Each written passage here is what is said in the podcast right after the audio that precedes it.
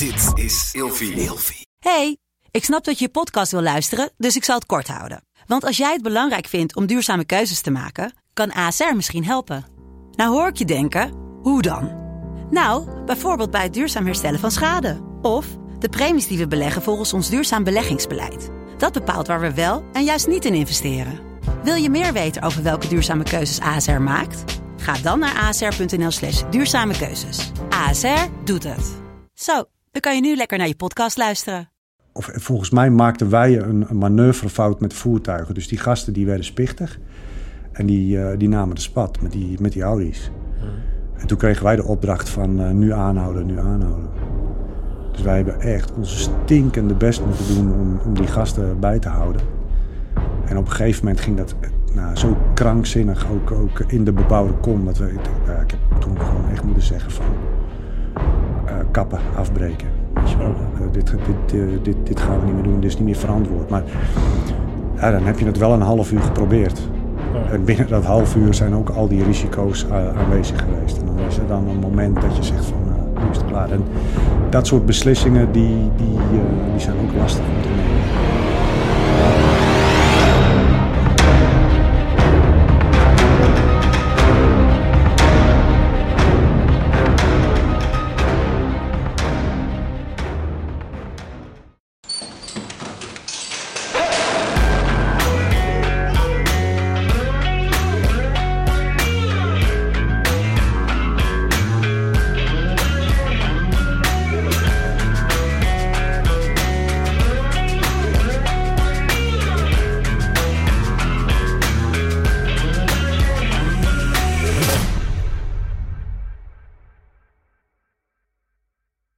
Alles loopt weer. Ja, het is wel even wennen, moet ik eerlijk zeggen. Zo eh, weer tegenover elkaar zitten.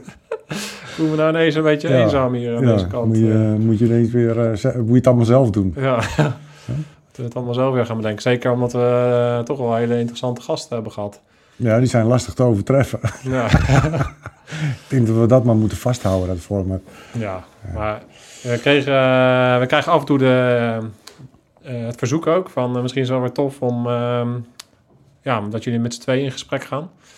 En ehm, nou, we hadden eigenlijk na, na, het is nu eh, acht of negen of tien Eh, afleveringen. voor mij wel acht afleveringen nu gehad. Is het wel tof om eh, weer even eh, terug te gaan naar de basis waar we zijn begonnen. En dat is eh, dat wij tegenover elkaar zi- zitten. Slap ouwe hoeren. Slap hoeren over Ja. wat we allemaal hebben meegemaakt. Eh, opa vertelt, zoals iemand op geen stel eh, mooi, eh, mooi zei. Dit is een beetje opa vertelt. Ja. Nou ja, Nou ja, dat is eigenlijk Kan. natuurlijk ook wel zo. kan. Ja. Maar Scherpschutters eh, is natuurlijk uiteindelijk geboren vanuit ehm, dat we dus inderdaad weer terugkijken op onze ervaringen en eh, daarmee eh, dingen willen uitdiepen en mensen situaties willen meegeven waarin ze zelf misschien dingen kunnen herkennen of dingen kunnen leren als ze zelf die carrière ja, willen nastreven. En ehm, ja, laten we dat eh, laten we eens een keertje weer in, in onze eigen grabbelton van ervaringen Even duiken. kijken. Ja. En kijken wat daar nog allemaal uit te halen valt. Een vraag die we regelmatig krijgen is... ehm, wat was voor jullie nou een moment dat je er echt doorheen zat... en ehm, even ehm, moest graven om, eh, om daar eh, goed Om uit te komen? door te gaan. En dat, het is wat je vaak doet. We hebben nu best veel over opleidingen gehad. Ehm, zeker omdat we Arminius hebben gehad hier. En ehm, het is ook logisch, want ik denk ook als ik kijk naar mijn carrière of naar überhaupt dat, dat opleidingen maken ook heel veel indruk. En dat heeft te maken, denk ik, met dat je er dan eens naar opwerkt. En je vervolgens eh, daar continu natuurlijk soort v- van eh, getest wordt. Ja, en je hebt natuurlijk... ehm, eh, eh, je, je werkt natuurlijk al ergens. En eh, je weet wat voor opleidingen er zijn. Eh, je, je kijkt naar de mensen die bepaalde opleidingen hebben gedaan. En daar ga je in feite jezelf naartoe werken. Dus eh, ja, je kijkt tegen iets op. En, Ja. en, en door opleidingen probeer je op hetzelfde niveau terecht te komen. Dus Ja. in die zin zijn opleidingen indrukwekkend. Ook wel heel gaaf. Ja, heel gaaf. Maar we hebben daar natuurlijk, dus daar, wat ik mijn punt eigenlijk is, is dat we daar dus best wel vaak over hebben Ja. gehad. En dat ook logisch is, omdat dat heel veel indruk maakt. Zeker je initiële opleiding. Initiële opleiding is eigenlijk de allereerste opleiding die je doet als je marinier wordt. Dan heb je een initiële opleiding en, Ja. en daarna krijg je je baret, of krijg, verdien je je baret. en eh, noem je, kan je jezelf marinier noemen. En die eh, opleiding maakt heel veel indruk. En daarna ga je, ik heb in totaal denk ik wel acht jaar opleidingen gedaan in mijn, in mijn loopbaan. Eh, dus je gaat nog heel veel opleidingen dan doen. Maar eigenlijk zou het nu ook wel eens interessant zijn om naar ons operationele eh, werk te gaan kijken. Van wat hebben we daar dan meegemaakt? En ehm, ja, wat voor, tegen wat voor dingen liepen we toen allemaal aan? Ja, ik heb, dat, daar, daar heb ik echt wel ehm, goed over moeten nadenken. Waar zat je er nou echt doorheen? Ik denk dat het, het echt er doorheen zitten in mijn, zeg maar, gewoon in mijn operationele carrière heb ik nooit meegemaakt. Nee, nee dat is Eh, anders hè? Ja, nee, misschien dat, dat, dat, dat je eh, dat dat privé eh, eh, van invloed zijn die maken dat je gewoon een, een, een moeilijke tijd doorgaat. Maar die is dan niet heel specifiek gerelateerd aan het operationele werk wat je doet. Laten we anders, laten we anders even starten met één ding die we kunnen bedenken vanuit de opleiding. Wat we er echt doorheen zaten. En daarna gaan we gewoon een aantal operationele momenten bespreken. Ehm, en kijken hoe jij met dingen omging en eh, met, met tegenslagen of met dingen die anders liepen of weet ik wat. Kan jij vanuit, jouw in, vanuit jouw opleiding, je hebt een hoop opleidingen ook gedaan. Ja. Kan jij, als ik jou nu vraag van wat was het zwaarste moment in een van die opleidingen, kan je dan, is er dan iets wat bij jou boven komt? Nou ja, afgezien van het feit dat je fysiek natuurlijk heel, heel vaak wel tegen de grens aan zit en, en dat je gewoon moet doorbijten. Wat me eigenlijk direct te binnen schiet is een, een, ehm, eh, een van de oefeningen, testen, geef het een naam, eh, binnen de AT-opleiding, dat is wel eh, het zwembad. En dan met name geboeid en met zware vest het water ingaan met de hele club en dan proberen daar weer uit te komen met elkaar. Hoe zag die test eruit? Nou ja, eh, ehm, ja ik moet natuurlijk, ik weet, ik weet niet of het nog gebeurt. Want het is, misschien. Mag je daar niks over vertellen? nou ja, natuurlijk, dat is geen geheim. Eh, het is een pittige oefening waarin je met de, eh, eigenlijk met de hele opleiding eh, naar het zwembad gaat. En iedereen een zware vest aan, aan moet. En iedereen geboeid wordt met de handen op de rug. Ja. En vervolgens worden er twee blind aangewezen. Daar worden de handboeien los van gemaakt. Die mogen het vest afdoen.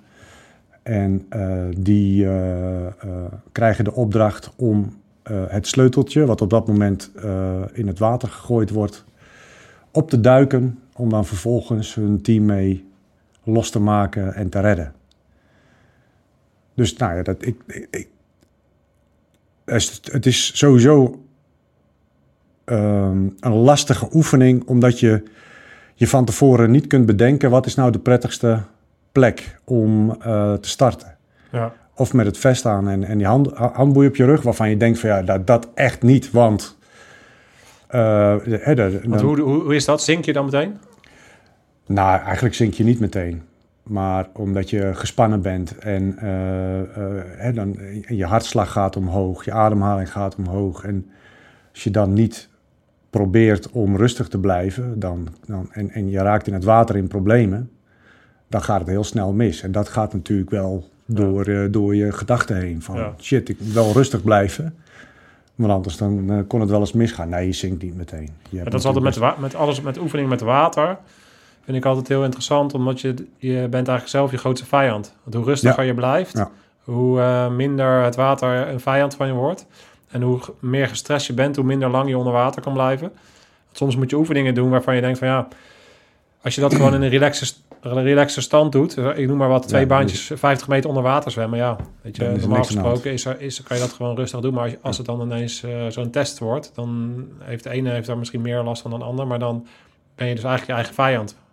Zo, zo, ja. En, en, eh, je wordt natuurlijk in een, in een situatie gebracht die je gewoon absoluut niet kent. En, en je realiseert je wel, als ik hier in paniek ga raken, dan gaat het sowieso fout. Ja. Dus in feite be- eh, probeer je dat continu te voorkomen. En dan heb je twee rollen. Eén rol is gewoon in je zwembroek en je kunt je vrij bewegen. Ja. Maar je hebt een enorme verantwoordelijkheid. En de andere rol is van, nou ja, je bent slachtoffer en je ligt in het water. En in feite eh, met, met je handen op de rug eh, en verzwaard. succes. dus ja, welke rol is dan het prettigst? Dat, dat schiet dan ook door je heen. Van oké, ik ben het in ieder geval... eh, Ik had voor mezelf al gekozen, nou, eh, eh, ik hoef niet eh, op zoek te gaan naar het sleuteltje. Nee. En vraag me niet waarom, maar dan, eh, als dat, dat, dat sleuteltje, eh, als je die niet kunt vinden, dan ben je verantwoordelijk voor iedereen die het lastig heeft in het water. En in, Ja. in ons geval waren dat, ik denk, nou, misschien nog eh, acht, acht man of zo. Dus dat we met z'n tienen waren in totaal. Twee die moesten sleutels zoeken en, eh, en, en, en acht man in het water. En jij, en jij, jij eh, moest het vest aan? Ja, ja. Maar goed, op het moment dat die, die sleuteltjes in het water gaan en de, en de lui die daar dan verantwoordelijk voor zijn, natuurlijk super geconcentreerd zijn naar waar die sleuteltjes ongeveer terechtkomen. Want ja, je hebt geen, eh, je hebt geen, eh, eh, Geen kijker, Geen geen, Google. Google. geen goggle op. Dus je, je, je moet dat op de tas doen en kijken in, in het chloorwater eh, wat je dan nog kan zien. Ja. En uiteraard heeft het sleuteltje dezelfde kleur als de bodem van het zwembad. Dus dat, nou, op het moment dat, dat, dat, dat je dus denkt die oefening gaat beginnen, dan, dan wordt het stilgelegd. En dan vindt er een wis, weer een wisseling plaats. Dus dan krijgen degene die eh, de rol hadden om het sleuteltje te zoeken, die moeten een vest aandoen. Handboeien op de rug en dan worden er twee anderen aangewezen om dat te doen. Dus daarmee creëer je al, al zoiets van, oh fuck, weet je wel. Dus nu, kan ik alsnog eh, eh, wisselen. Nou, in mijn Ja. geval gebeurde dat dan niet. Ja, want dat, Maar ja. doe- dat is eigenlijk om, eh, want dan is iedereen in zijn hoofd al bezig met het uitvoeren van de, de opera, van, van, van hoe je dat dan gaat doen. Ja. En vervolgens word je ineens weer geswitcht op het allerlaatste moment en heb je, heb je geen tijd meer om na te denken. Hè? Dat is om dat, om dat te simuleren Ja. van onverwachte situaties. Ja. Ja. En uh, nou, ik, ik, ik, ik, ik werd niet, in ieder geval niet gewisseld. Dus ik bleef in de rol die ik had. En, en, en dan kom je er meteen achter dat er twee lui zich gefocust hebben op iets wat heel belangrijk is. En dat die andere lui zich aan het voorbereiden zijn geweest van oké, okay, ik ga straks te water. Hoe ga ik dat doen? Ja. Dus die twee lui die nu de opdracht hadden gekregen, je gaat het sleuteltje zoeken. hadden natuurlijk geen flauw idee waar die sleutel precies lag. Dus dan, ja, dan, dan uh, uh, uh, ontstaat er enige vorm van organisatie en communicatie. Dus dan probeer je bij die andere twee gasten uh, los te krijgen waar dat dan ongeveer moet zijn. Ja. En je gaat uh, met elkaar afspreken wat, uh, de beste, wat jij denkt de beste manier is om, uh, om die oefening uit te voeren. En dan ga je het water. Ja. En was wat hetgene wat jij bedacht had dan ook de beste manier om het te doen? Of, uh... Nou ja, ik, ik, had, ik had het idee van als ik nou zoveel mogelijk op mijn rug probeer te liggen eerst. En om, om mijn drijfvermogen te vergroten. Misschien dat ik nee, dan zeg maar mijn krachten kan sparen op het moment dat dat uh, zware vest, uh, dat echt alle luchtbelletjes eruit waren. Ja. En je dus in feite al watertrappelend probeert boven te blijven. Ja. Ja, en, en uh, ja, dan, dan duurt het en heel lang en dan gaan dingen heel snel. Dus dat sleuteltje, dat wordt natuurlijk niet meteen gevonden. En die lui die, die daar verantwoordelijk voor zijn, die komen, die blijven net weer even iets te lang onder water, omdat ze dat toch willen vinden. Ja.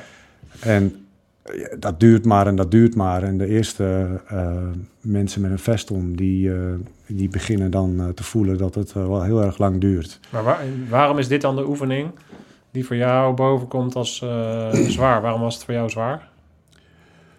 Omdat je... omdat ik daar gemerkt heb dat als er, als er, als er paniek ontstaat in, in, een, in een team, dat het dan heel snel uh, uh, neerwaarts kan gaan. Dus het, er ontstond uh, aan de andere kant van het zwembad bij, bij iemand die vastzat paniek. Ja. En daardoor raakten de gasten die die sleuteltjes moesten zoeken ook in paniek. Die konden absoluut niks meer vinden. Dus dat betekende dat het heel lang ging duren voordat er iemand los was. En als je los was, dan kon je pas gaan helpen met uh, uh, andere gasten boven houden. Maar, maar, had het bij jou iets te maken met het feit dat je normaal in controle bent? Was het feit dat je, dat je daar niks aan kon doen, dat het, dat het verzandde in, in, paniek frustrerend? Of waarom was het dan voor jou zo moeilijk? Waarom was dit dan specifiek zo moeilijk voor jou? Uh, nou, omdat het enige wat je kan doen is proberen om bij anderen de rust te bewaren. om eh, eh, eh, aan te geven van als je dit doet, dan, dan gaat het beter. Hè, dus ga op je rug proberen kleine rondjes op je rug te zwemmen. Wat dan ogenblikkelijk door het kader weer werd rechtgezet. Van niks, je blijft op één punt. hè, dus dat, die oefening was er ook voor bedoeld. Eigenlijk om, Mhm. om dit, Ja. om dit bij, je, bij je te creëren. En ehm, ik realiseerde me dat als je in, die, in zo'n situatie zit... waarin je en afhankelijk bent van een ander... en er paniek ontstaat bij, eh, in, in de groep... Ja. dat het dan misgaat. En dat werd daar ook heel snel duidelijk. En gelukkig eh, ehm, eh, werd het sleuteltje, of een van de sleuteltjes, redelijk snel gevonden.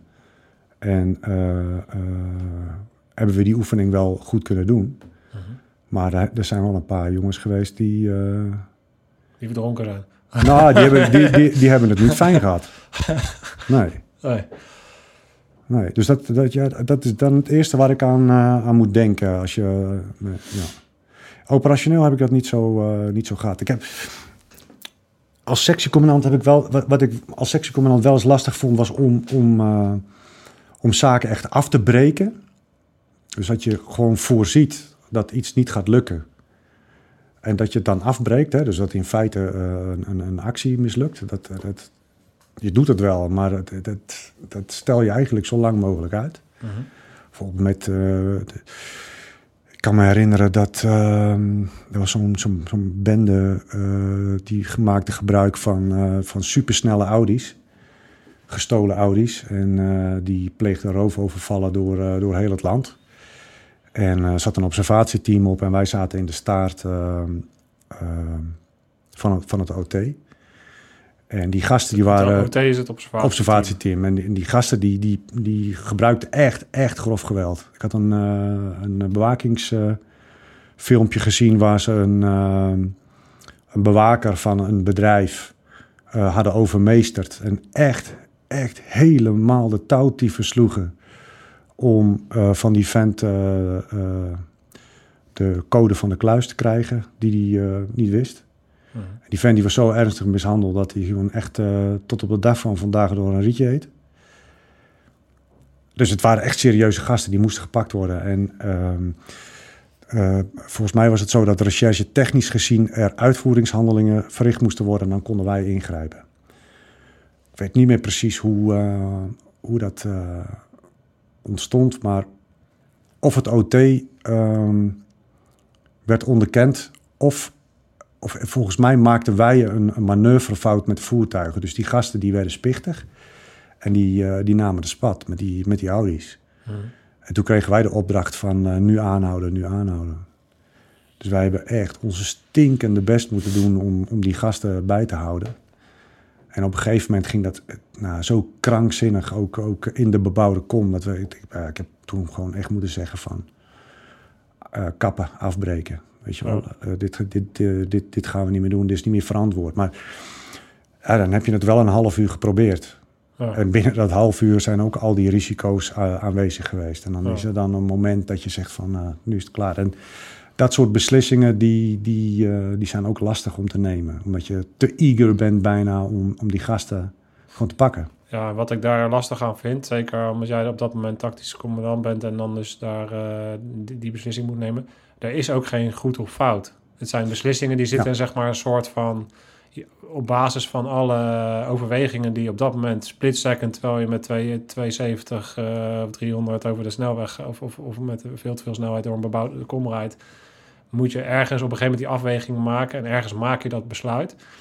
En wat ik met dat soort beslissingen altijd heb, die een beetje in het midden hangen. Van, van, eh, daar zit een goede kant aan om te stoppen, een slechte kant aan. De- ja, dit is gewoon een heel erg grijs gebied. Is dat, dat die beslissingen kunnen achteraf een beetje in je hoofd blijven malen. Heb je daar last van dan bij zo'n beslissing?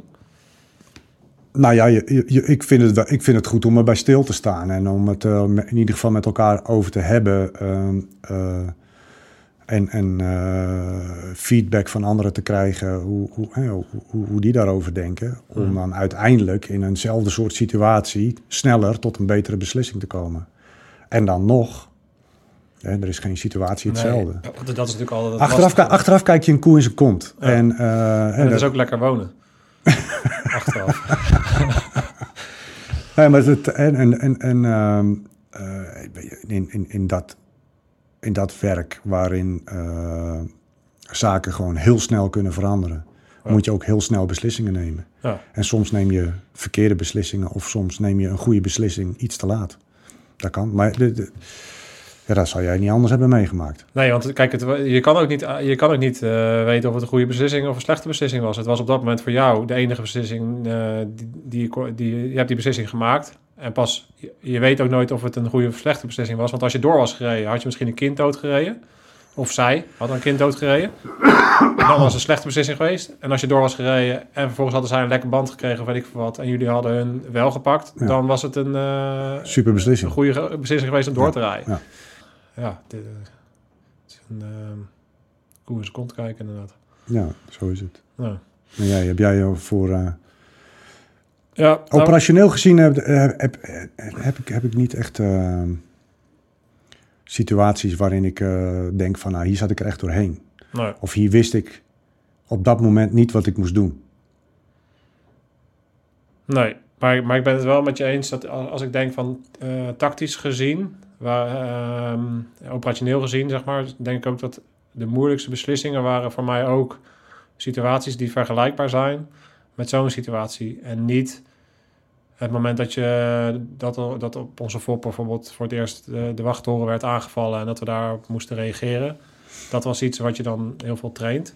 En op het moment dat het dan gebeurt, dan is het even, oh, eh, en dan is het even eh, een halve seconde schakelen en dan ga je eh, dingen doen om het uit te voeren.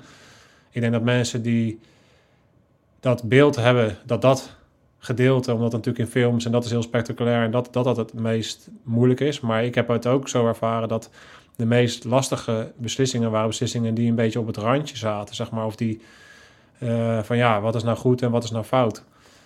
Ehm, ja, ik kan me bijvoorbeeld een situatie ehm, herinneren in Afghanistan, waarbij wij op een vooruitgeschoven post zaten onder, eh, eh, vlak onder de Baluchi-vallei in Uruzgan. En ehm, we kregen op een gegeven moment een oproep van eh, de Australische Special Forces dat zij eh, ehm, ja, krijgsgevangenen hadden. Want ze hadden een vuurgevecht gehad en ehm, ze hadden mensen gevangen genomen. En ja, daar, die wilden ze eh, meenemen. Ze vroegen eigenlijk toegang tot onze beveiligde omgeving eigenlijk. min of meer beveiligd binnen in Mhm. de vooruitgeschoven post. Nou, uiteraard eh, prima. Dus die lui naar binnen geloodst en eh, plekken aangewezen, zodat ze binnen onze beveiliging ehm, de nacht konden doorbrengen. Nou, maar jij zat daar met, met Afghanen op dat Ja, pand. Ja. dus mijn situatie, mijn missie inderdaad eh, was afwijkend van een normale missie. Normaal ga je met een, met een eenheid. in, mijn, in mijn geval zou, zou je normaal gesproken met minimaal een peloton, dus als 30 man gaf ik leiding aan. Ehm, ga je meestal zelfs onder een compagnie. En een compagnie is al meer, meer dan 100 man, ga je een missie doen. Maar onze missie was eigenlijk eh, afwijkend, omdat ik maar met 26 eh, kaderleden, dus dat zijn allemaal wat, eh, wat dus niet geen mariniers, maar wat hoger opgeleide mensen binnen het Corps Mariniers, gingen wij naar Afghanistan toe. Met de missie om ehm, eh, Afghaanse soldaten, het Afghaanse leger, ehm, te trainen en op te leiden. Maar niet op een opleidingskamp, dus niet binnen de veilige muren van een opleidingsfaciliteit, maar gewoon terwijl we operaties draaiden. Dat Ja. noemden ze dan Train While You Fight. Geen idee wie dat bedacht heeft. Geniaal. Waarschijnlijk niet degene die het uitgevoerd heeft.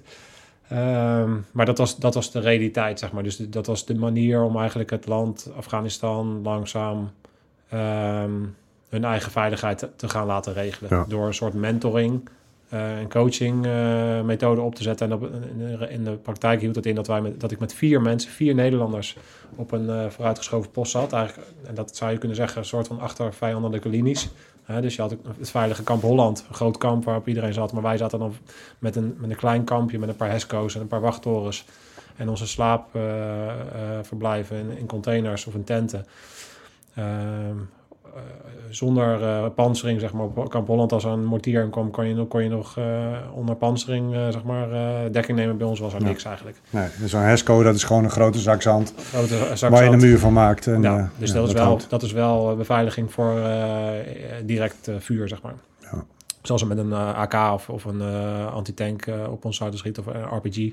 eh, dan, eh, dan heb je daar in ieder geval wat dekking van. Anyway, wij zaten dus met vier mensen, wat heel weinig is eigenlijk. Zaten wij op een kamp en daar zaten dan uh, ja, tussen de 30 en de 40 Afghanen. En dat was eigenlijk dus een, een, een peloton uh, Afghaanse mannen. En dat waren, ja, dat waren gewoon struikrovers. Dat waren gewoon gasten omgangen met allemaal verschillende tenues, allemaal waaibomen eigenlijk. Um, niet, het, niet het model marinier waarop je dan denkt dat je met, op uitzending gaat. Dus, dus de hele missie was uitdagend. Maar, maar je hebt dus vier stuks Jan Kaas. je hebt een peloton ANA's. Die, uh, waarvan, waarvan, niemand hetzelfde eruit ziet. Ja. En uh, die zijn waarschijnlijk ook zo uh, van de straat geplukt. Ja, en, dan, en, dan, en dan klopt de, de Australische Special Forces die kloppen bij jullie aan van we hebben een paar krijgsgevangenen en we moeten even schuilen. Ja, dat is, dat is de situatie. En je moet je voorstellen dat die Afghanen, uh, dat die uh, allemaal verschillende stammen, uh, ze komen, uh, dus daar is onderling is daar ook... Ehm, strijd. Nou ja, ja strijd. ja, we hebben wel gehad dat er, dat er ineens twee Afghanen tegenover elkaar staan, AK's doorgeladen worden en... Uh, nou, binnen jouw... Binnen mijn kamp, ja. ja. En dat ze elkaar uh, op het punt staan elkaar af te maken. en um, nou ja, um, zo gezegd, zo gedaan. Die nacht was verder gewoon rustig. En ergens rond een uur of half vijf, toen het licht begon te worden. Ik had net een uh, nachtdienst gedraaid. Dus uh, wij moesten natuurlijk allemaal, uh, moest altijd een Nederlander minimaal wakker zijn. Die dan de rondes kon lopen en contact kon houden met Kamp Holland. Voor het moment dat we aangevallen werden, wat in het begin ook regelmatig gebeurde. Um, toen werd ik ineens paniek. Een van de sergeanten van de, van de ANA die trok me aan mijn, staart ook net lag te snurken. Van ja, je moet komen, want ehm, ehm, mijn jongens gaan die Australiërs doodschieten. Ik zo, nou, wacht, daar, wacht daar heel eventjes mee. zo reageerde ik niet hoor. Dus ik, ik, ik spring mijn rek uit. En um, de situatie was dat die, een aantal van die ANA's, met name een aantal van die jonge gasten, die waren helemaal over de zeik. En waren heel erg agressief, omdat zij zagen, hadden gezien, maar die uh, Australische SF, die hadden hun krijgsgevangenen eigenlijk op een bepaalde manier opgesteld. Um, uh, en deden ja, wat, wat tactische ondervragingen met hen, zeg maar. Um, Daar al. Ja, ja, omdat zij, zij, hadden, zij waren daadwerkelijk onder vuur genomen, natuurlijk in een bepaalde situatie. Dus zij wilden zo snel mogelijk uh, weten waar ze aan toe waren en zo, zo snel mogelijk die hot intel ja, ja, uh, uit de gasten trekken, zodat ze wellicht uh, vervolgoperaties konden, konden uitvoeren. Dus dat was, dat, was, dat was logisch in principe. Maar het enige probleem was dat uh, die ANA's, je kan zeggen van ze wat je wilde, maar wij hadden wel een soort voelsprieten in die uh, cultuur en in, in, in, het, in het hele gebeuren. En die gasten, uh, nadat ik ze enigszins gekalmeerd had, kon, ik, kon ik kijken van wat er nou aan de hand was. En toen bleek dat, dat zij eigenlijk zeiden van ja, dat, dit is geen, de mensen die zij gevangen hebben genomen, dat is geen Taliban. Nou. Ja, zeg het maar. Uh, ja, toen kwam ik dan, dan uh, onze missie heette ook OMLT, dus dat is Operational Mentoring and Liaisons Team. Liaison, de L, zeg maar, die staat dan ook voor liaison. En liaison, normaal gesproken, deed ik naar de, naar de Nederlanders. Dus dan gingen wij, wij moesten, elke operatie moest uitgevoerd worden als, met als speerpunt een Afghaans uh, unit. Dus wij zaten altijd, met alle, alle operaties zaten wij voorin. Uh, en ik moest dan dus liaison zijn, zodat het allemaal gecoördineerd werd en die operaties goed verliepen en dat, dat er geen spraakverwarring ontstond. Maar in dit geval werd ik dus ineens een liaison tussen een externe eenheid, waar ik nog nooit, die ik nog nooit gezien had, um, die, die zelf behoorlijk over de zeik waren, omdat ze beschoten uh, waren. behoorlijk beschoten ja. waren, volgens lui gevangen hadden genomen. En nu ineens een paar van die, in hun ogen, uh, fucking kut, uh, kutlui, ja. die hun ineens, ineens moeilijk gingen doen. Um, om... Um, ja, om, om redenen die voor hun natuurlijk op dat moment niet uh, relevant zijn. Dus, maar ja. was het voor jou meteen duidelijk dat die, die, die ANA, hè, dus die club van jou, uh, om het zo maar eens te zeggen, ehm, dat die over de zeik waren omdat, die, omdat, het, om, omdat ze die, die, die, wisten van nou dat is geen Taliban? Of waren ze over de zeik vanwege de manier waarop die lui behandeld werden? Was dat jou meteen duidelijk? Nou, kijk, Nou, ik beschrijf, eh, het was natuurlijk eerst paniek. Van ik word mijn rek uit, ik lag gewoon eh, net, net te snurken. Ik word mijn rek uitgetrokken, hoop eh, gedoe. Ik word erbij getrokken en er wordt meteen verteld van ja, er, er lopen Afghanen met doorge- doorgeladen wapens zijn op zoek naar, eh, ehm, Naar die, naar die Aussies. naar, die gasten. Ja. En willen die gasten gaan neerschieten, zeg maar. Dat is, dat is hoe ik dan wakker wo- word gemaakt en waar je dan direct in staat. Ehm, maar door een Afghaanse... ja, door een Afghaanse Eh, eh, militair. eh, sergeant. Een van, Ja, ja. een van de gasten die, ja, zo'n beetje de, de leider, informele leider, laat ik zo zeggen. Degene die, de, de onderofficier. De, zo'n oudere, wijzere Mujahideen vechter, maar die in ieder geval wel een beetje wist wat hij aan het doen was. Over het algemeen. Ehm, daar werd ik door wakker gemaakt. Dus het is, het is eerst paniek en dan je, je hebt dan niet direct duidelijk wat is er nou aan de hand, wat gebeurt er allemaal. Dus je moet eerst zorgen eh, dat je dan eh, de informatie gaat inwinnen. Dus eh, ik had natuurlijk ook die SF-commandant die daar natuurlijk ook tussen stond. Of in ieder geval een van hun onderofficieren. Dus het is, was eerst een soort van paniek en kijken en, dan snel een soort van schakelen. Wat is er aan de hand? Maar wat is letterlijk? Letterlijk is er al beweging op het, op het, op het kamp... waar jij van, eh, uit op kan maken van dit gaat uit de hand lopen. Ja, dus die stonden een paar van die Afghanen, die stonden daar en die werden op afstand gehouden door, door die, eh, af- Door die- door die Australiërs. En daar werd een hoop geschreeuwd en gedaan. En eh, en er liepen lui heen en weer. En er was allemaal activiteit. En er liepen lui eh, die hun wapens aan het ha- halen waren. Dus eh, Afghanen liepen heen en weer. En die kwamen terug met een AK's onder een arm. Ja, dat, dat, eh, dat was de situatie. Dus- En dat, en dat zijn tactisch gezien heel moeilijk. Want aan de ene kant heb je dus eh, heb ik natuurlijk een bepaalde eh, missie, loyaliteit richting Afghanen. Aan de andere kant heb ik, ja, sta ik natuurlijk aan de kant van de Aussies. Eh, maar weet ik niet of zij misschien bepaalde lijnen hebben overschreden. Ehm, eh, dus dan moet ik eerst duidelijk, duidelijk krijgen, oké, wat, wat, wat gebeurt er hier? Dus eerst deescaleren. Eerst zorgen dat we normaal kunnen, kunnen praten. En ehm, dat is ook het eerste wat, wat, wat ik dan samen met mijn onderofficier, met mijn team, zeg maar, wat we hebben gedaan om, om eerst te kalmeren. En, en wat ik daarin heel erg interessant vond aan die casus, was eh, die situatie en nog een andere situatie. Want ik heb het ook een keer meegemaakt dat ze eh, Nederlanders wilden neer gaan schieten. Want die hadden iemand uitgelachen die zat eh, aan het bidden was. Dat was een dergelijk, eigenlijk een soort, soortgelijke situatie. Maar in beide situaties, en om even bij deze situatie te blijven. Wat ik merkte is dat er maar één ding was wat me toen gered heeft. Ehm, en dat is het feit dat ik op, samen met mijn team dat wij iedere patrouille ehm, mee zijn geweest met die Afghanen. En dat, dat wij gezien werden, eh, dat we in ieder geval... Je werd als, als een van hun gezien. Althans, Ja. de, hè, dat, ja, eh, want ik weet, ik weet jouw zeker... aanwezigheid werd door hun geaccepteerd. En het werd gewaardeerd dat je altijd met hun meeging. Als zij buiten de poort waren, waren jullie het ook. Want ik kon op dat moment geen reden meer in praten. ik, de enige manier waarop ik het kon deescaleren is van... jullie moeten mij nu vertrouwen en nu luisteren naar wat ik doe, wat ik zeg. Ehm, en dat, dat kwam toen echt neer op, op, ehm, ja, op het feit dat, dat ze dus op dat moment eh, mij volgden... omdat ze wel eh, een, be- een bepaald aan, aanzien... of een aanzien is niet helemaal het goede woord... een bepaalde waardering denk ik hadden... voor het feit dat wij elke dag de poort uit gingen. En waarom ze dat extra waardeerden is omdat een eigen commandant nooit meeging. Die zat altijd alleen maar eh, in zijn hok thee te zuipen. En ehm, ja, zij hadden heel erg... De rangschikking binnen de, Tali of binnen de Taliban, binnen het Afghaanse leger was ook heel erg, zeg maar, ze hadden heel veel waardering voor oud-Mujahideen g- gasten die Ja. echt daadwerkelijk gevochten hadden. En hoe meer gevechtservaring je had en hoe ouder je was, hoe, hoe, ja, hoe meer aanzien je had. En ik, ik had het al niet. In eerste instantie had ik het natuurlijk tegen me dat ik een jonge luitenant was. In eerste instantie werd mijn sergeant, die een dikke baard had en wat ouder was, die werd eigenlijk als leider gezien in het begin. Dus ik, eh, en dat, dat, daar heb ik voor moeten werken om ehm, ehm, in, in het ja, aangezien te worden eh, voor, voor, een, voor een leider, zeg maar. Ja. Je kunt op je strepen gaan staan, maar je kunt het, Dat je kunt, je kunt het ook laten zien. Ja, je moet het eerst laten. En gelukkig had ik dat dus eerst Ja. laten zien. Want als ik meteen. en- Want ik ben daar dus op mijn strepen gaan staan. eh, om de situatie te deescaleren. Maar als ik dat had gedaan zonder dat ik iets op, op had gebouwd. dan had je die situatie natuurlijk nooit zo kunnen deescaleren, zeg maar. Ehm, en ja.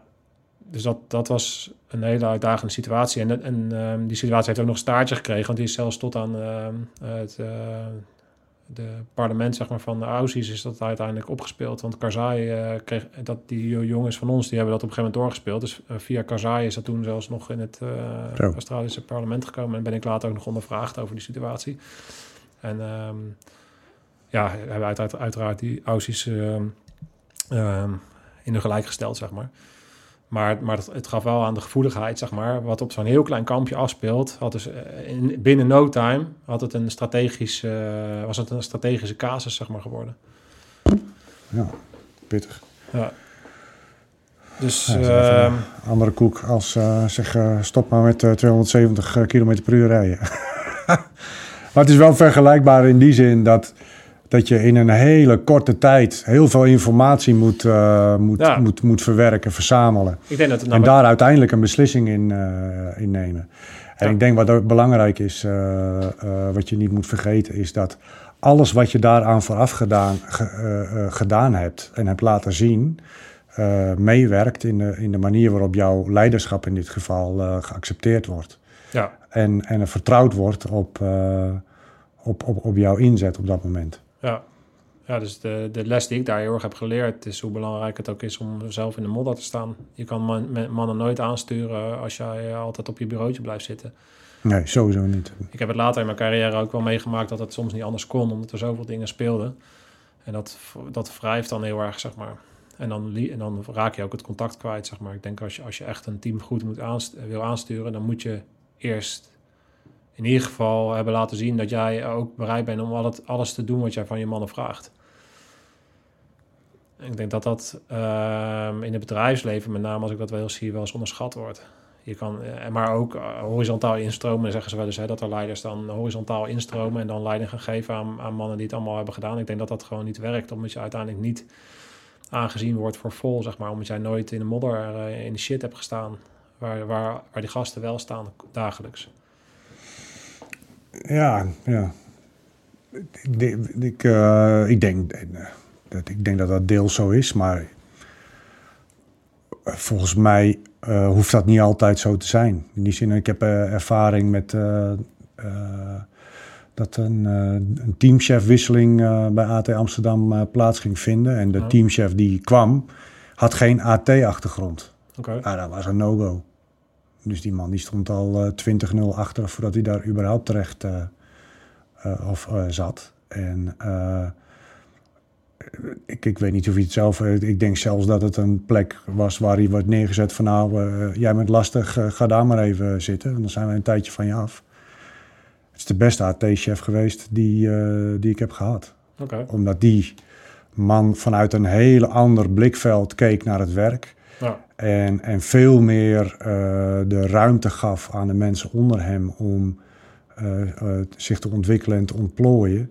En zich veel minder bemoeide met het operationele proces. Eigenlijk Ja. alleen maar ervoor zorgde dat het operationele proces optimaal gefaciliteerd kon worden. Maar ik ben het dan wel met je eens dat het, dat het ook kan. En dat is maar dat, maar dat, het, dat is dus niet iets wat op dag één eh, eh, aangenomen wordt. Dus, dus, dus er is een heel groot verschil dat als iemand binnenkomt en iedereen, hij is berucht en uh, AT, hij heeft zichzelf bewezen, hij komt binnen, dan heeft hij vanaf dag één kan hij rekenen op, op de steun. En bij, als je dat dus niet hebt, dan moet je twee keer zo hard werken. En ik denk dat dat om, om uiteindelijk dus, dus, de- dus dat draagvlak te creëren, dan moet je dus eerst laten zien van dat je daadwerkelijk van toegevoegde waarde bent, ondanks dat je geen AT-achtergrond hebt.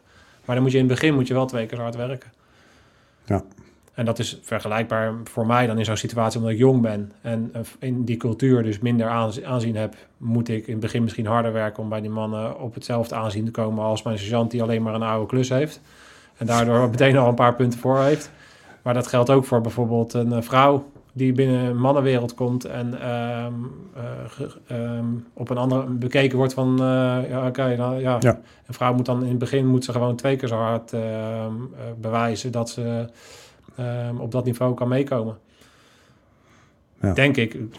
Dat, dat, heb ik in ieder geval wel, wel, wel, wel gezien, zeg maar. Maar en is dat slecht? Weet het niet. Nee, maar het, het gaat niet om goed of slecht. Het gaat Nee. meer om de, om de realiteit, zeg maar. Ja. Dus dat dat dan zo ehm, dat dat speelt. Dus ik vind het wel interessant dat, dat wij dus allebei ehm, de, de moeilijke keuzes op operation, in een operationele wereld keuzes zijn waarbij het gaat om beperkte informatie op basis van beperkte informatie als eindverantwoordelijke een keuze moeten maken die hele grote gevolgen kan hebben. En dat is, dat is je, de, je dagelijkse werk eigenlijk. Uh, maar een heel, heel, aantal van die keuzes die je maakt binnen je standaard werk, kijk, een deur eruit blazen, naar binnen lopen en de vent oppakken, dat zijn procedures en daar kan iets mis in gaan. Maar alles wat daarin mis kan gaan, dat heb je bijna, er zijn, bijna alle situaties die daarin mis kunnen gaan, die heb je een keer getraind. Je maakt een ja. verkeer, je maakt een ja, je bent heel goed. er wordt iemand ja. neergeschoten, je hebt een gewonde, ja. uh, er, wordt, er, wordt iets over het hoofd gezien, weet ik veel, er is een booby trap. Dus wat je ook kan bedenken, zeg maar, wat in die setting mis kan gaan, heb je in je trainingen gehad. Maar de, train, de dingen die ze nooit kunnen voorbereiden, is zo'n situatie dat ik dus als jonge luitenant, na, ik was zes maanden um, luitenant en toen werd ik gevraagd om uh, naar Afghanistan te gaan en deze missie uit te gaan voeren. Ik had van tevoren, ik ben nooit opgeleid voor, dit, voor zo'n soort missie, want eigenlijk, ja, in mijn ogen was dat een SF-missie, maar ik was, uh, ik was op dat moment nog geen SF. Het was gewoon military assistant. En dat is normaal gesproken is dat een kerntaak van, van, het, van een, uh, van een SF-eenheid maar ja, in die hoedanigheid in, waar ik toen in werd ingezet, um, had ik nooit van tevoren kunnen bedenken. dat soort dingen krijg je in je training ook niet terug, zeg maar. Dus je, je komt dan in situaties waarin je alleen maar uh, terug kan vallen op het soort ja, uh, compleet mens en militair wat je dan op dat moment bent, om dan de juiste beslissing te nemen. Maar er is, ja, het is niet zo dat je tijdens de opleiding een casus krijgt waarbij uh, een Australische SF binnenkomt rijden met een paar krijgsgevangenen en uh, vervolgens die ANA's die daar kapot moeten knallen, willen knallen. En wat, wat doe je dan? Zo'n casus krijg je niet voorgeschoteld. Dus dan, dan het enige wat je dan uh, hebt is ja, gewoon je common sense. Ja, maar is, is, is, is deze casus nog besproken en, en uiteindelijk iets soortgelijks? Is het wel bijvoorbeeld opgenomen in een opwerkperiode nee. voor soortgelijke daarnaast natuurlijk uh, zijn er weinig Maltese nog volgens mij geweest. En, en wat je ook ziet is dat, dat het operationeel tempo en de dingen die je dan daarmee maakt zijn zo hoog dat heel veel van dat soort dingen gaan natuurlijk verloren. Ja, ja dat, dat, dat, dat, herken ik ook wel. Ja. Het werk gaat zo, dus, zo waanzinnig snel dat, dat, dat blijft ook er blijft een hoop, hoop, hoop liggen. Het is wel zo dat je natuurlijk dat soort dingen teruggeeft. En als een team na jou komt en uh, dan, dat ze dan dus bepaalde situaties meekrijgen. Wij hadden namelijk toen wij gingen opwerken naar Afghanistan, kregen wij ook wel. Onze vorige club hadden ook zo'n casus gehad dat de, de kok van Diana's ineens uh, geesten zag. En uh, een van die Nederlanders wilde vermoorden. Ja, die, eh, en, en, die, want, die, had, die, moest dan, uh, die moest per se het dorp in, omdat hij dan een of andere moela uh, moest hem vrij, vrijmaken van die geesten, of weet ik veel wat. Iets in die trant was het. Ja. Het enige wat je daaruit uit kan halen is dat, dat, dat er bepaalde uh, dingen belangrijk zijn voor, voor hun, die voor ons niet helemaal te begrijpen zijn. Zeg maar. Dus waar, waarom is een moela of bepaalde mensen binnen die gemeenschap dan belangrijk. Dus dat zijn culturele dingen die dan mee moet nemen. En, eh, ja, maar wat, wat, wat me daarin heel erg lastig lijkt, is dat je toch uh, eigenlijk voortdurend op de wip zit van, van oké, dit is iets cultureels, dat, moet, hè, dat moeten we respecteren, omdat je ook zeg maar de verbinding wil maken. En aan de andere kant, in hoeverre kan dit ons uh, uh, compromitteren en in gevaar brengen? Ja. Dat lijkt me een hele lastige overweging. Ja, want, want, want er waren ook verhalen uit oude Maltese waarbij lui fout waren. Ja. Dus in hoeverre uh, je kan moeilijk een soort van een, uh, op basis van, van zo'n vent een patrouille gaan uitsturen. Terwijl voor hetzelfde geld word je dan geambushed onderweg. Ja, precies. Ja, dus dat, dat, dat, zijn, dat, dat soort keuzes blijft, is gewoon enorm moeilijk. Ja, ja, daar is volgens mij ook geen, geen les in te geven. Nee. Nee, nee, ja, die, nee, ik denk dat het, het enige is, is, is gewoon de vorming van wie jij bent als mens. En dat je dus um, stabiel bent, emotioneel gezien en uh, in staat bent om onder druk eh, te blijven nadenken. Dat zijn kenmerken die je natuurlijk continu, dus die, die hele training uh, die ik daarvoor, voordat ik in Afghanistan stond, had ik, had ik natuurlijk al bijna, bijna had ik vijf jaar opleidingen gehad. En was ik op verschillende momenten was ik getest en, en uh, uitgedaagd, zeg maar, om mijn grenzen op te zoeken en om dan op dat moment nog steeds beslissingen te maken. Dus al die leermomenten, bijvoorbeeld in zo'n uh, praktische opleiding tot, tot de officier der mariniers, die zijn erop geënt om dat soort situaties te creëren die niet exact hetzelfde zijn, maar die wel dat gevoel van uh, tering, wat gebeurt er allemaal, wat komt er allemaal op me af, ik kan hier echt, wat moet ik hiervan maken? Ehm, en dan toch in staat zijn om te zeggen: oké, bam, eh, ik, eh, deze informatie is belangrijk, deze informatie, dus, dus te filteren. En dan vervolgens eh, daarop een beslissing te maken. Ehm, ehm, en vervolgens te kunnen handelen, zeg maar. Ja, niets doen is dan gewoon, eh, gewoon geen optie. Nee, ik denk dat, Nee. dat die actie, actiebereidheid is, is, eh, is essentieel. Wat je daarin... Ik denk dat het letterlijk... Ik, ik heb het ook wel eens letterlijk zeg maar, gezien als navigeren. Zeg maar. als, jij als, jij, als jij aan het navigeren bent en je weet niet waar je bent... Ja, wat, wa- blijven staan heeft geen zin. Nee. Want je hebt informatie, maar die informatie die je ziet... daar heb je niet zoveel aan. Het enige wat je dan kan doen is verplaatsen... om te kijken of je een bepaald oriëntatiepunt ziet... om vanuit daar weer verder te relativeren waar je dan bent... en dan weer op terug op je route te komen. En in tactische situatie gebruikte ik dat metafoor vaak ook. Op het moment dat ik allerlei informatie krijg, maar kan niks... dan moet ik ergens iets doorbreken... om op een ander punt te komen... waardoor we dus wel een situatie kunnen oplossen. Ja.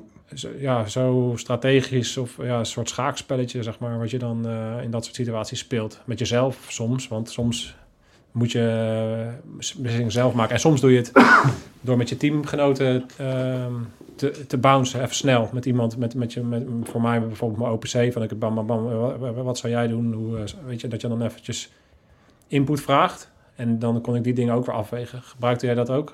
Ja, ja, ja. met name ehm, elke actie die wij, eh, die wij voorbereiden, eh, zat niet bij mij. Maar in mensen die, eh, de, die operators die de verkenning doen. In feite bereiden die de actie voor. Dus die komen terug met de informatie. Die bespreken dat samen met mij. En naar aanleiding daarvan neem je samen een beslissing van dit is het beste plan.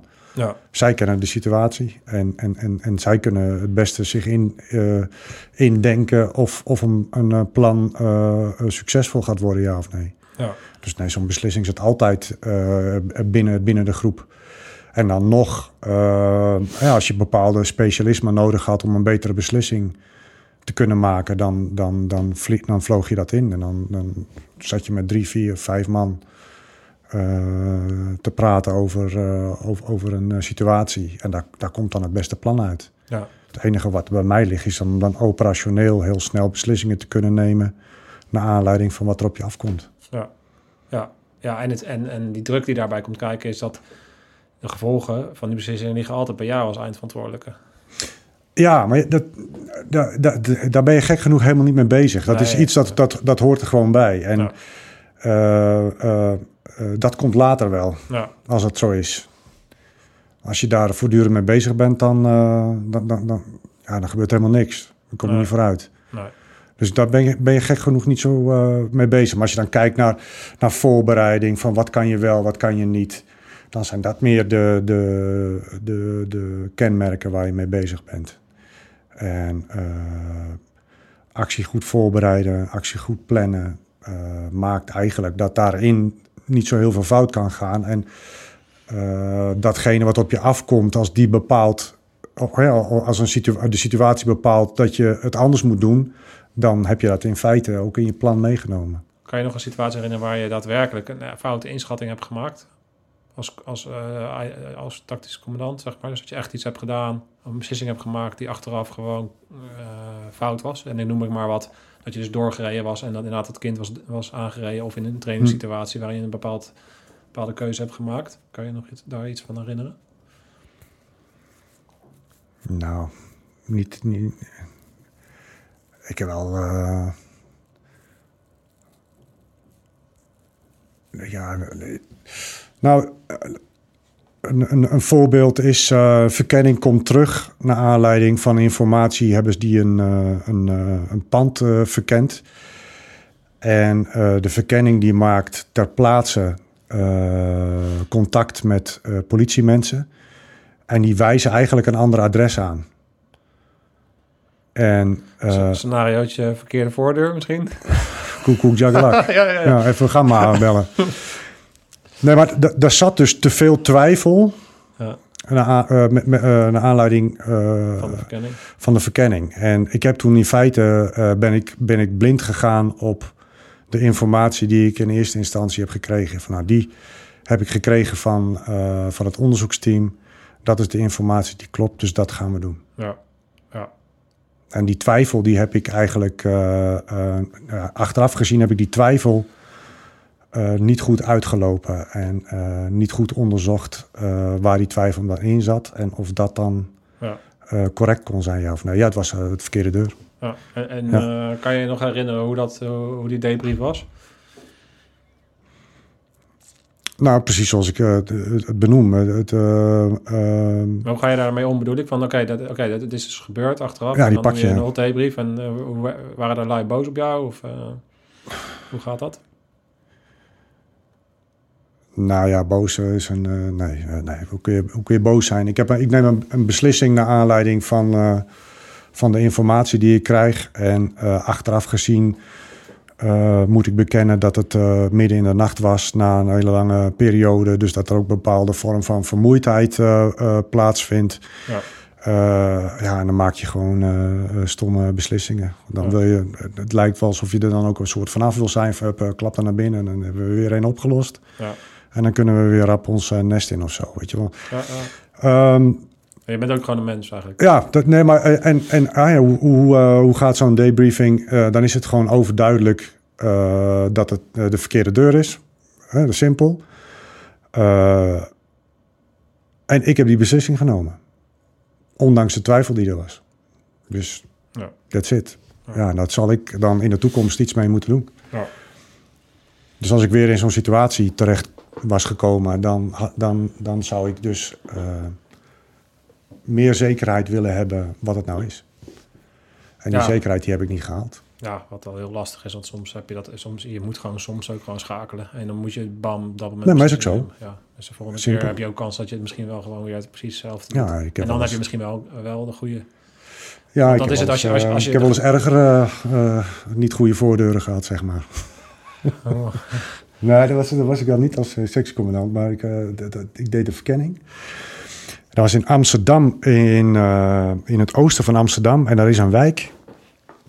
Eh, er zijn van die portiekwoningen. Ik denk een beetje zo uh, berlage tijd, zo, zo vlak na de Tweede Wereldoorlog gebouwd, denk ik. Ja, ja, En ehm, dan heb je, je hebt een begane grond, die is overduidelijk. Dus dan heb je twee, twee deuren per, per blok voor de begane grond. En tussen die twee voordeuren van de begane grond, twee panden zijn dat, heb je een steile trap omhoog.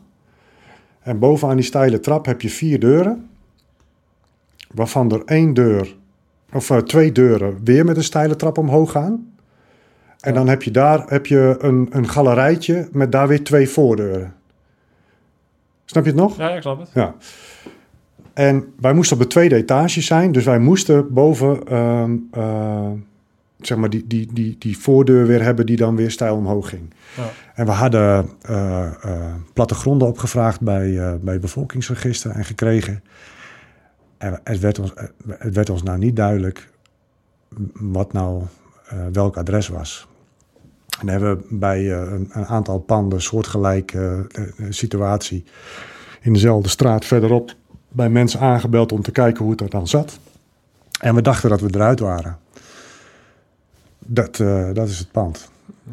En eh, nou, alles voorbereid. Hadden de voordeur eh, konden we openflipperen. En dat we zeg maar die, die portiekdeur met die tweede steile trap omhoog. En we komen op het galerijtje en er zijn inderdaad twee voordeuren. En we stellen ons op voor de deur waarvan wij zeiden, dat is hem. En nou, het bonk die gaat er, grote bonk die gaat erop. 45 kilogram staal. En eh, die deur die is te flexibel in de spanningen, dus die deur die gaat er niet in één keer uit. Sterker nog, die deur die blijft maar in die spanningen zitten. En, en, en daar wordt maar op gebonkt en bo- gebonkt, naar binnen geroepen, eh, politie, politie. Er was ook maar één mogelijkheid om naar binnen te gaan, dat was de voordeur. Bonken, bonken, bonken, gebeurt helemaal niks. Het kozijn van die deur die begint in de Gifex eh, blokkenmuur eh, te schuiven. Je zag het pleisterwerk van de muur af, eh, afkomen. Eh, eh, ik weet nog dat ik op een gegeven moment zag dat de elektriciteitsschakelaar... die in, in die Gifex-blokken wa wa waren verwerkt, dat die loskwam. Eh, ik zag op een gegeven moment zo'n Gifex-blok naar binnen vallen zijn ze daar ook op doorgegaan. En toen ik naar binnen keek, toen zag ik twee mensen op een trap zitten. En die, hiel, die hielden elkaar zo arm in arm vast. En die man die had een, eh, zo'n groot Indonesisch zwaard had hij, eh, in zijn hand. Oh, jezus. Dus eh, ik nog roepen, wa wapen, wapen. Vuurlijn naar binnen, man dat ding naar, naar binnen gegooid. Wat ik niet wist is dat terwijl ik met, met die twee mensen aan de binnenkant bezig waren, de, de andere voordeur in dat halletje open ging. Laat maar raden, de verdachte deed open. Dat was de verdachte die polsauto kwam nemen waar het lawaai vandaan kwam op de, op de gang. Ja. Ja. Ja, het is een hilarisch verhaal. Ja. Ja, hoe is dat dan geëvalueerd? nou, dat, eh, dat, eh, zeg maar, die herinnering bespaar ik mezelf. Maar eh, ik weet wel dat ik met degene waar ik die verkenning mee gedaan heb... de, de grote doos taart en een enorme bos bloemen... nog bij die mensen langs geweest zijn. Toen hebben we de schade nog gezien. Dat was echt, echt verschrikkelijk. Ja. En eh, het, het, het allermooiste van het verhaal vind ik dat die, die, die mensen... die pakten dat zo sportief op, die snapten het ook nog wel. Ja. ja, dat is mooi dat ze dan... eh, Ja. dat, Ja, dat was wel heel bijzonder. Dus we hebben daar eh, een paar uurtjes uitgebreid Deuren. Thee en koffie gedronken. Ja. Mooi man. Ja, ik, heb wel één keer een. eh, ik heb ook één, één anekdote om even deze aflevering eh, mee af te sluiten. Eh, maar het was wel gelukkig een trainingssituatie. We moesten een gijzeling beëindigen op het theater van Zaandam. of Zaanwijk, Zaandam volgens mij, herinner ik me. Mooi theater, een beetje... ja, het Zaantheater aan het Ja, water daar. Zaantheater, Ja, aan ja. het water. En dat was een beetje Bataclan situatie, trainen we toen al. Dus, dat, ja, dat eh, was eh, grote ruimtes, eh, veel mensen. Ik- ja, dat was voor Bataclan nog. Ja, Waarschijnlijk naar aanleiding van Rusland. ja, of zo. Ja, dat, zo, dat, een beetje dat scenario deden we dan. nou, dus wij dat trainen. En op een gegeven moment, met, met trainingssituaties heb je natuurlijk altijd dingen die wel mogen, die niet mogen. Want we trainden gewoon in een echt gebouw, zeg maar. En ja, we hadden dan dus zo'n staf die deed de, de trainingen opzetten. Lang verhaal kort, eh, op, het, op het eind. eh, we hadden die planning gemaakt. En dan, dan moet je je voorstellen dat je dan dus al 24 uur in een planning eh, zit uiteindelijk. En op, een, op een bepaald moment gaan we, gaan we dan uiteindelijk naar binnen. En op een gegeven moment krijg ik na mijn codewoord van dat iedereen, alle, al mijn teamleaders gaan verschillende kanten op en er gebeurt van alles. Krijg ik op een gegeven moment een melding van een van mijn belangrijke toegangswegen die, van een teamleader die iets heel belangrijks moest in, doen in de missie. Krijg ik van ja, ik sta hier voor een deur. Maar ik weet niet zeker, hij zit dicht en eh, ik weet niet zeker of, of ik hem eh, kan breachen. Ik, eh, dus normaal gesproken hangt er dan iets op. Nou ja, hangt, niks op. Ik zou, ja, maakt me niet uit, de deur moet er gewoon uit. Dus eh, je moet naar binnen. Nou, verder er niet meer over nagedacht. Bleek dus dat, dat eh, vanuit de parkeergarage een of andere mega geavanceerde deur was. Die, eh, en, eh, die uiteindelijk iets van, eh, weet ik veel, eh 3500 euro eh, kostte. Ehm, die ze dus door, in twee hebben gezaagd om eh, daar naar binnen te komen. met allemaal sensoren erop. Dat deed allemaal niet. Dus toen had ik, eh, daarna, de maandag daarna had ik, eh, Kon je vaker trekken. kreeg ik, had ik de factuur achter op mijn bureau. eh, liggen. Ja, ja, godsamme. mooie anekdotes. Ja, nou, ik zit er vol mee.